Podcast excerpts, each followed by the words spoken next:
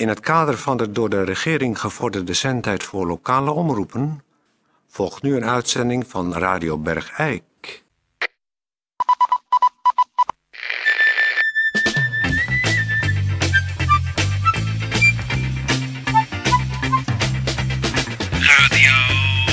Radio Bergijk. Radio Bergijk. Het radiostation voor Bergijk. Radio Uw gastheer, Toon Sporenberg. Toon Sporenberg. Goeiedag, eh, dames en heren. Hartelijk welkom. Het is eh, dinsdag. En eh, dat betekent eh, uitzending van Radio Bergijk natuurlijk. Dus, Ja, goeiedag, u, eh, dit is Peer van Eersel. ja. U hoort mij eh, dwars door Toon zijn presentatietekst heen, want eh, ik heb er zin in. Ik heb eh, zit woordenvol plannen en ideeën voor eh, Oh. Radio Bergijk en voor de zomer. En voor de zomer. Nou, dat is de... Nou, ik ben heel benieuwd. Eh, ja, nou, kijk een beetje. Ben je een beetje- bijgekomen van gisteren? Van schrik? Ja, eh, ja eh, welk gek. Nou, eh, hier zat die Hurkens junior en jij... eh, Eh, daar ik weet ik niks meer van. Oh. Nou, eh, ik zou zeggen, dan, eh, stel ik voor dat eh, ik nu zeg eh, gemeentebericht. En dat jij dan eh, iets van je plannen vertelt als gemeentebericht. Uitstekend, dat gaan we doen. Gemeentebericht. Eh goeiedag, dames en heren. Dit is Peer van Eersel met een gemeentebericht. Ah, deze zomer organiseert eh, Jongerenwerk Bergijk een sterrenkundekamp in de natuur van twee weken rond het thema sterrenkunde en is speciaal gericht op meisjes tussen de 14 en de 18 jaar. Eh, er is ontspanning, sport en spel en er zal een bezoek gebracht worden aan het zwembad. En natuurlijk zal er ook af en toe de gelegenheid zijn om sterren te gaan kijken. En het hele sterrenkundekamp zal onder leiding staan van uw eigen Peer van Eersel. Dus stuur uw dochters naar het sterrenkundekamp. Oh, oh, wacht even. Ja? Ga jij, die, ga jij dat kamp doen? Ja, ik, ga, ik ben leider van het eh sterrenkundekamp. Sinds wanneer? Dat heb ik... eh, nou, vorige week... eh, Heb je dat verzonnen? Dat heb ik verzonnen, ja. Dat, ik, sterrenkunde eh, intri- intrigeert mij in hoge mate. Nou, dat is dan ook wel sinds... eh zeer kort. Jij weet nooit iets van de sterren. Nee, maar ik heb me...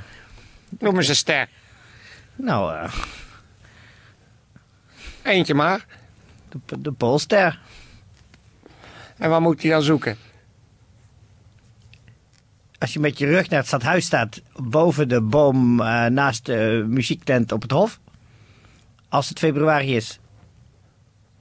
En heb jij dan sterrenkijkers daarbij voor, voor die meisjes? Nee, dat is een ander gemeentebericht dat ik dat nog zoek. En die zullen we ook niet zoveel nodig hebben, denk ik. Je hebt het over naar het zwembad gaan met meisjes van 14 tot 18? Nou en dan ja, misschien is, ook sterren kijken. En dan noem jij sterrenkamp. het is een sterrenkundekamp. Er zijn nog andere mensen bij om dat te begeleiden. Nee. Wacht even, jij gaat in je eentje met een groep meiden van 14 tot 18 Ja. in de bossen zitten. Ja. Overdag naar het zwembad. Ja. En dan s'avonds misschien sterren kijken. Als het weer het toelaat, ja. Zonder kijkers. Nou ja, als iemand een kijker meeneemt is het handig, maar ik denk niet dat we dat nodig. Nou ja, ik weet niet. Jij denkt niet dat je die nodig hebt.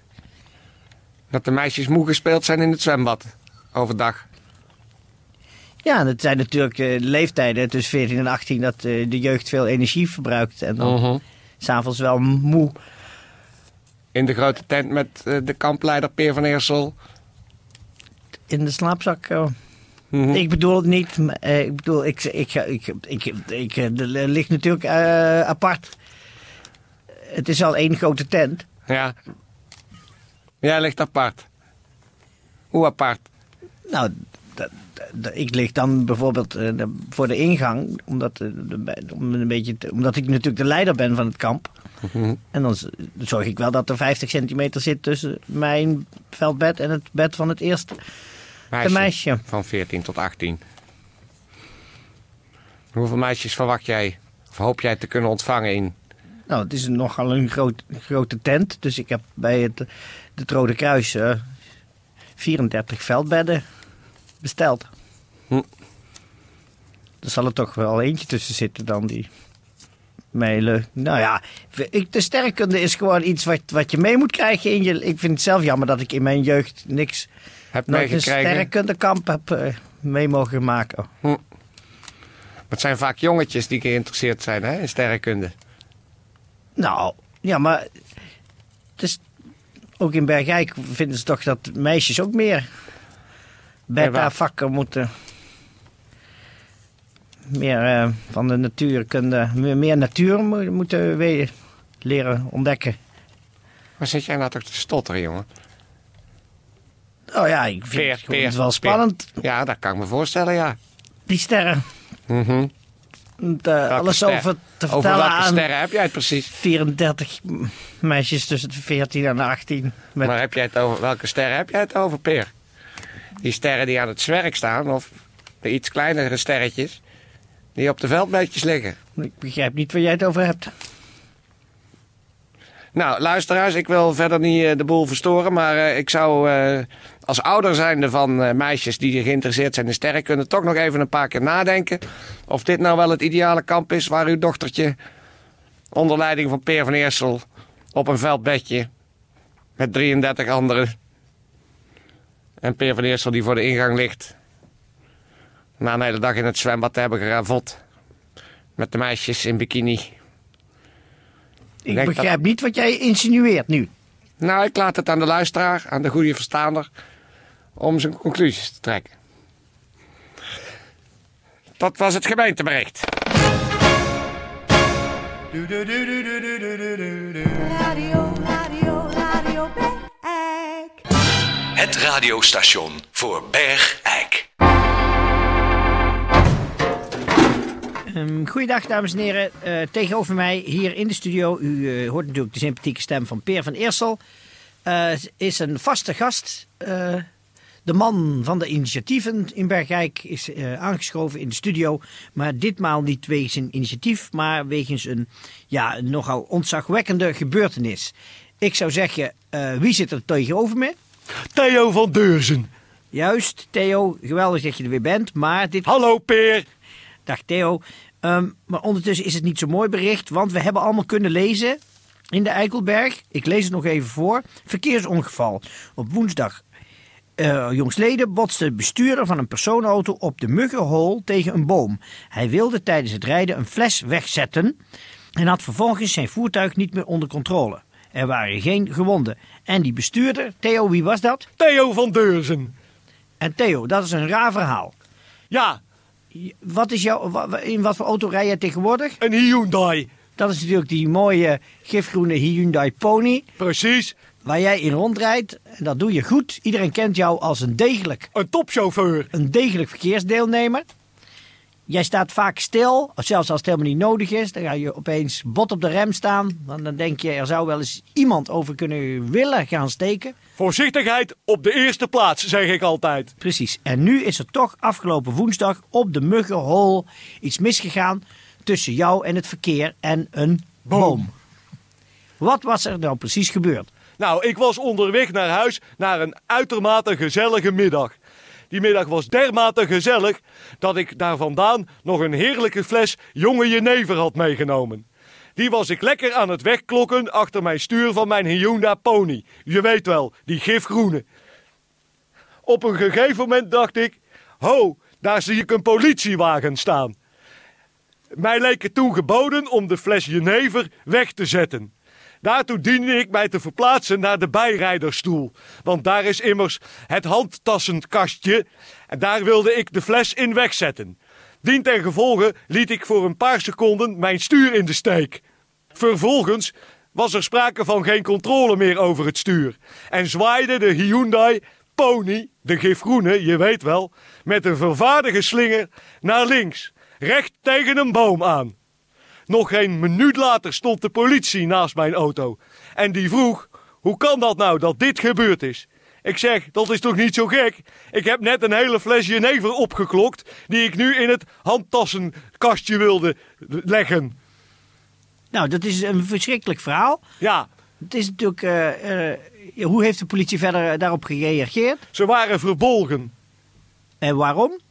omdat de boom beschadigd was. Oh, ik had gehoord dat de fles al leeg was.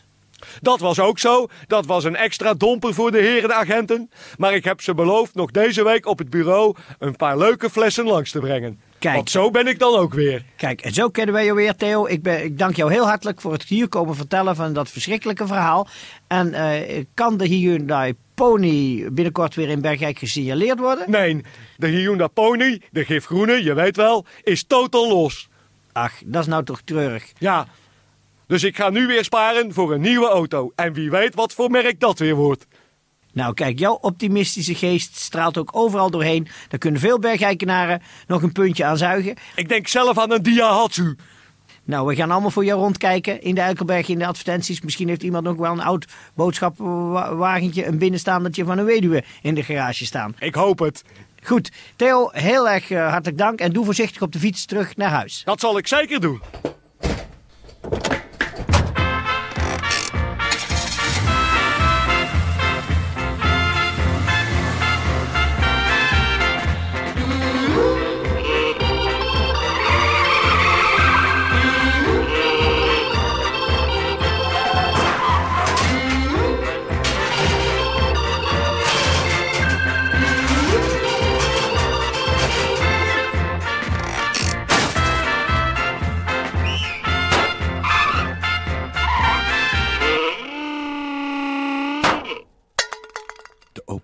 De open Voor iedere bergijkenaar die wat kwijt wil. microfoon. Iedere bergijkenaar die wat kwijt wil. Voor iedere bergijkenaar die wat kwijt wil. Hi. Hi.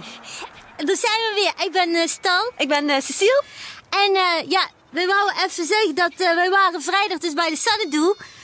En dan zouden we staan bij de toiletten, hadden we een oproep gedaan dat iedereen, die, alle jongens die, die iets met ons wilden, dat dat dan mocht. Maar ehm, We waren er wel, alleen we moesten helaas om 12 uur thuis zijn, dus eh, misschien dat je ons gemist hebt. Ja, dus eh, we wouden ook zeggen wij ook overdags eh, zijn wij bereikbaar. Want wij hebben nou een baan. Ik, ik kan eh, vakken vullen. Ja, dat kan Cecile niet. Want die zit achter de kassa en Ja. ik vul de vakken. Ja, bij de Dirk zitten we. Dus als er nou nog steeds jongens zijn die denken van ik heb ze gemist, of eh goh, leuke meiden en die met de lange haar en die met die piercing die, eh, die ik dan ben en eh, die niet zo heel erg groot is, ja. waar, je niet zoveel, waar je gewoon lekker overheen kan kijken, die lekker onder de arm kan nemen, die, die zit dus bij de kassa in, Ja, de of van Dirk. wie een beetje meer langer type houdt, daar ben ik dan heel geschikt voor.